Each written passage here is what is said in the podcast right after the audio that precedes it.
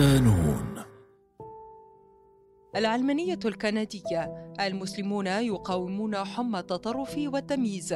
مقال على موقع نون بوست. كانت كندا دائما حالة مثالية للجميع بمن فيهم المسلمين. لكن أصابها فيروس التمييز والعنصرية لا سيما ضد الإسلام والمسلمين. وأصبح الهجوم عليهم انطلاقا مما يسمى قيم العلمانية أكثر شراسة من أي وقت آخر. حتى نعرف سر التضييق على المسلمين. يجب اولا معرفة إشكاليات العلاقة التي كانت قائمة في كندا وبلدان أمريكا الشمالية بشكل عام على الحياد بين الدولة والدين. فالدولة مستقلة بمؤسساتها لكن لا وجود للتحرر من المقدس. لكن ماذا عن التعددية الدينية؟ وكيف أصبحت غير مرحب بها في مجتمعات يسكنها بالأساس مهاجرون من أصول متنوعة للغاية. لمحة تاريخية. يعرف تاريخ البلاد كنيستين رئيسيتين الأنجليكانية والرومانية الكاثوليكية. كان الغزو البريطاني لكندا عام 59 و700 وألف علامة فارقة على عكس المستعمرات الأخرى. إذ عزز الكاثوليكية وهي المذهب الغالب في البلاد. وبالتالي لم تسع قوة بحجم بريطانيا في هذا التوقيت لفرض تصورات بعينها لدين الدولة على الكنيسة الأنجليكانية. التاريخ السلمي للبلاد حتى في احتلالها جعل من تنظيم الحرية الدينية في كندا خلال نهاية القرن الثامن عشر أمرا سهلا للغاية حيث تم منح الحرية الكاملة للكاثوليك وفق قوانين ملزمة تعيد التأكيد على هذه الحرية ما مهد بسلاسة لمبادئ الفصل بين الدولة والكنائس. ووضع الحياد ضمن أحد العناصر الضرورية لاحترام المساواة بين جميع المواطنين. جعلت كندا من التعددية الثقافية إطارا لسياستها الرسمية فحررت نفسها تدريجيا من الكنائس لكن دون أن يتضمن دستورها ما يقر علمانية الدولة. لذلك هي ليست جزءا من القانون الكندي حتى لو كانت مبادئها الأساسية موضحة بشكل وثيق هناك. تضمن كندا وفق دستورها حرية الضمير والدين. وهذا يعني ضرورة اجتهاد كل مؤسسات الدولة لإيجاد عدالة متساوية للجميع. من خلال دولة محايدة تضمن الفصل بين السلطة السياسية والدينية. الحياد في المفهوم الكندي لا يعني أن الدولة فكرة مجردة بلا قيمة، بل مؤسسات تحكم على أساس القيم المتأصلة في الديمقراطية، حيث لا تحابي ولا تضر بأي معتقد ديني أو غير ديني، وتؤسس لقناعات عميقة عند جميع أبنائها والاحترام الكامل للفرد. الولاء للمسيحية لا يمكن لدولة يشكل جزء كبير من هويتها أحد الأديان وتتسامح بشكل مطلق مع الأديان الأخرى. هذا ما يثبته التاريخ، وربما هذا ما يأخذنا لمعرفة تاريخ الديانة الأنجليكانية في أنجلترا وانعكاساتها على كندا. كان وصول الكاثوليك إلى المناصب العامة يتطلب الولاء للبابا أولاً، وكان هناك اختبار خاص بذلك. ربما لم تشهد كندا أي تاريخ قتالي من أجل انتزاع هذا الولاء كما حدث في بلدان أوروبية عديدة. ويتجاهل بالفعل القانون الدستوري الأول للاتحاد الكندي عام 67 و800 وألف أي توضيح للعلاقات بين الكنيسة والدولة. هذا السلاح الذي لا يحدد علاقة الدولة بالمؤسسات الدينية ومبانيها ويجعلها نظريا غير مسؤولة عن شؤون الأديان استخدم في موضع آخر لتوضيح الهوى المسيحي للدولة. ويوضح ذلك الدستور الكندي الجديد الذي وضع عام 82 و900 وألف. ويؤكد في ديباجته أن كندا تأسست على مبادئ تعترف بسيادة الله وفق مفاهيم المسيحية. وهنا سيشتبك المجتمع عاجلا أم آجلا مع الديانات الأخرى خاصة التي تشكل منافسة قوية ولديها أسس أخلاقية وقيمية تنازع المسيحية لا سيما الإسلام. كندا والإسلام. الإسلام واحد من الديانات الموجودة في كندا منذ إنشاء الاتحاد الكندي عام 71 و800 وألف. ووقتها لم يكن عدد المسلمين يزيد على 13 مسلما من بين كل سكان البلاد. لكن المشهد الإسلامي تطور على مدى قرنين من الزمان. وفقا لتعداد عام 11 و2000 يوجد ما يقارب عن مليون مسلم في كندا يمثلون نحو 2.8% من مجموع سكان البلاد.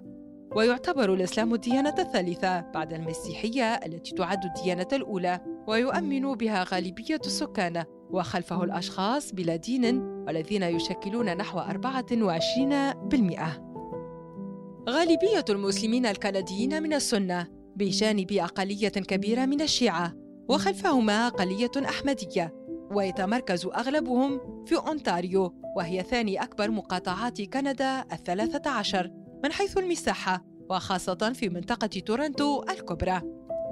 بشكل عام كانت كندا بعيدة حتى وقت قريب عن صراع الحجاب مع الثقافة الأوروبية حيث يتاح للفتاة أو السيدة المسلمة ارتداء حجابها في المدارس العامة وتمكنها الأعراف الدستورية والقانونية من الجدال بشأن حقها في حرية الدين وحظر التمييز على أساس المعتقدات الدينية. لكن كما هو الحال في الدول التي تمجد الفردية وتعتبرها أساس التقدم يلزم القانون المؤسسات العامة والخاصة بالتكيف أو حتى تعديل المعايير العامة لتلبية الاحتياجات الخاصة للأقليات الدينية.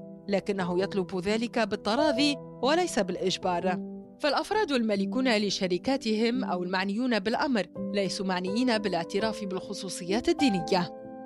تؤكد البنود الدستورية الكندية أن الحقوق الممنوحة للأفراد لإشباع حريتهم الدينية هي متطلبات حقوق الإنسان لكن حكومة الحد الأدنى المعمول بها في النظام السياسي كما هو الشكل المحبب في كل بلدان أوروبا التي تؤسس لسياسة عدم التدخل من جانب الدولة. تفتح الباب لكل عنصري للإفصاح عن رفضه للتنوع.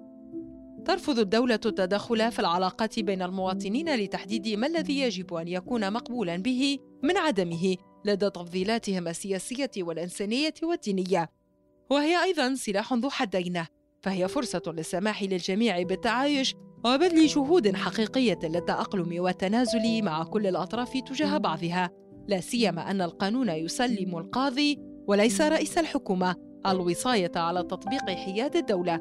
لكنه في الوقت نفسه وحال صعود التمييز والعنصرية يسمح للمتطرفين بتسيد المجال العام للدولة وتهديد الأقليات. حدث ذلك فعليا وتسبب تقييد قدرة الحكومة على التدخل في منح مقاطعة كيبيك الحرية في وضع تصور أكثر تطرفا للعلمانية وأصبحت المقاطعة تضيق على موظفي الخدمة المدنية البلاد ما أغضب مسلمي المقاطعة على وجه التحديد التي ما زالت ترفض القانون 21 الذي يقوم على مبادئ الفصل بين الدولة والأديان.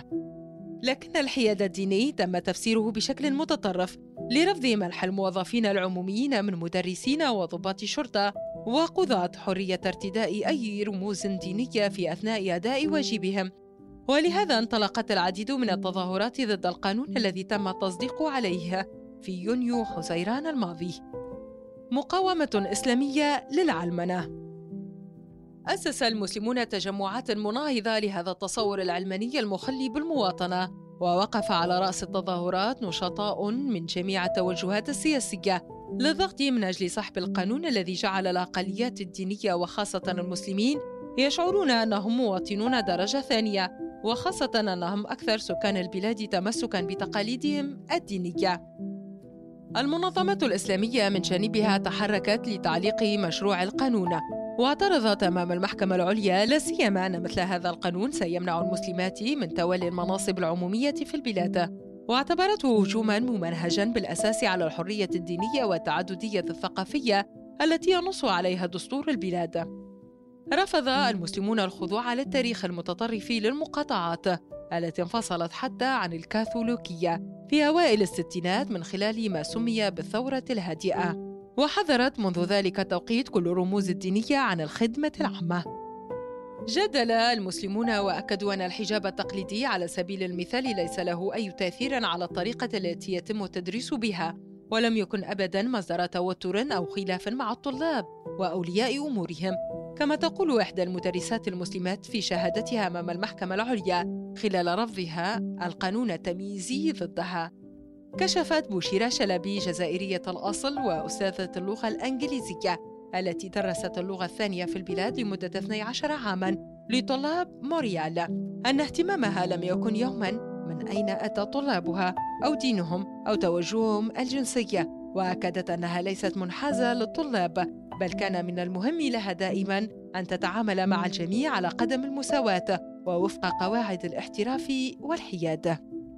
شلبي مثل آلاف المسلمين الذين يعملون في مجالات الخدمة العامة المختلفة. يرفضون الاستسلام لمثل هذا القانون الذي يقضي على مستقبلهم في ظل تمسكهم بهويتهم الدينية. المزعج في الأمر الذي سيتطلب من المسلمين جهادا أكبر وإصرارا على المواجهة هو تحصين مثل هذه القوانين من الطعونة حتى لا يتم إسقاطها دستوريا لتعارضها مع الميثاق الكندي للحقوق والحريات لا سيما المادتين 2 و 15 واللتين تحميان حرية الدين والحق في المساواة. حتى الآن تبدو كيباك منبع العنصرية في كندا وخاصة ضد المسلمين وهو ما يتضح من تصاعد الإسلاموفوبيا التي قادت المقاطعة إلى تنفيذ هجوم إرهابي على المركز الثقافي الإسلامي في مدينة سانفوي عام 17 و2000 خلف الهجوم كارثة بالبلاد بمقتل وإصابة نحو 19 من المسلمين كانوا يؤدون صلاة العشاء في المسجد وسقطوا برصاص الجهل والعنصرية. حسب تعبير رئيس الوزراء جاستن ترودو الذي يقود معركة كبيرة لإنصاف المسلمين وإعادة الوجه المسالم لبلاده. وجود ترودو الذي يدعو دائما إلى النضال ضد الإسلاموفوبيا ويسارع لإدانة أي شكل آخر من أشكال الكراهية والتمييز في أوروبا كلها وليس كندا فقط بل ويبتكر طرقا جديدة لتمجيد الضحايا دائما وتكريم ذكرهم يشير إلى أن هناك أملا.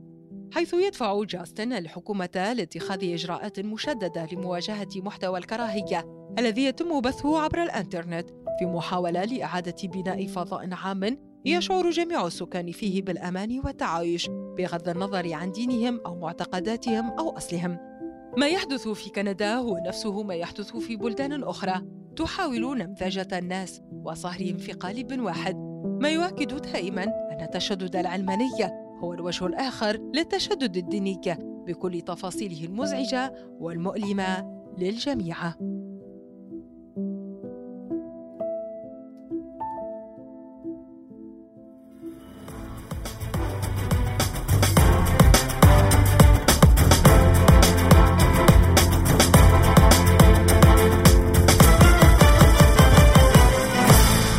صدى نور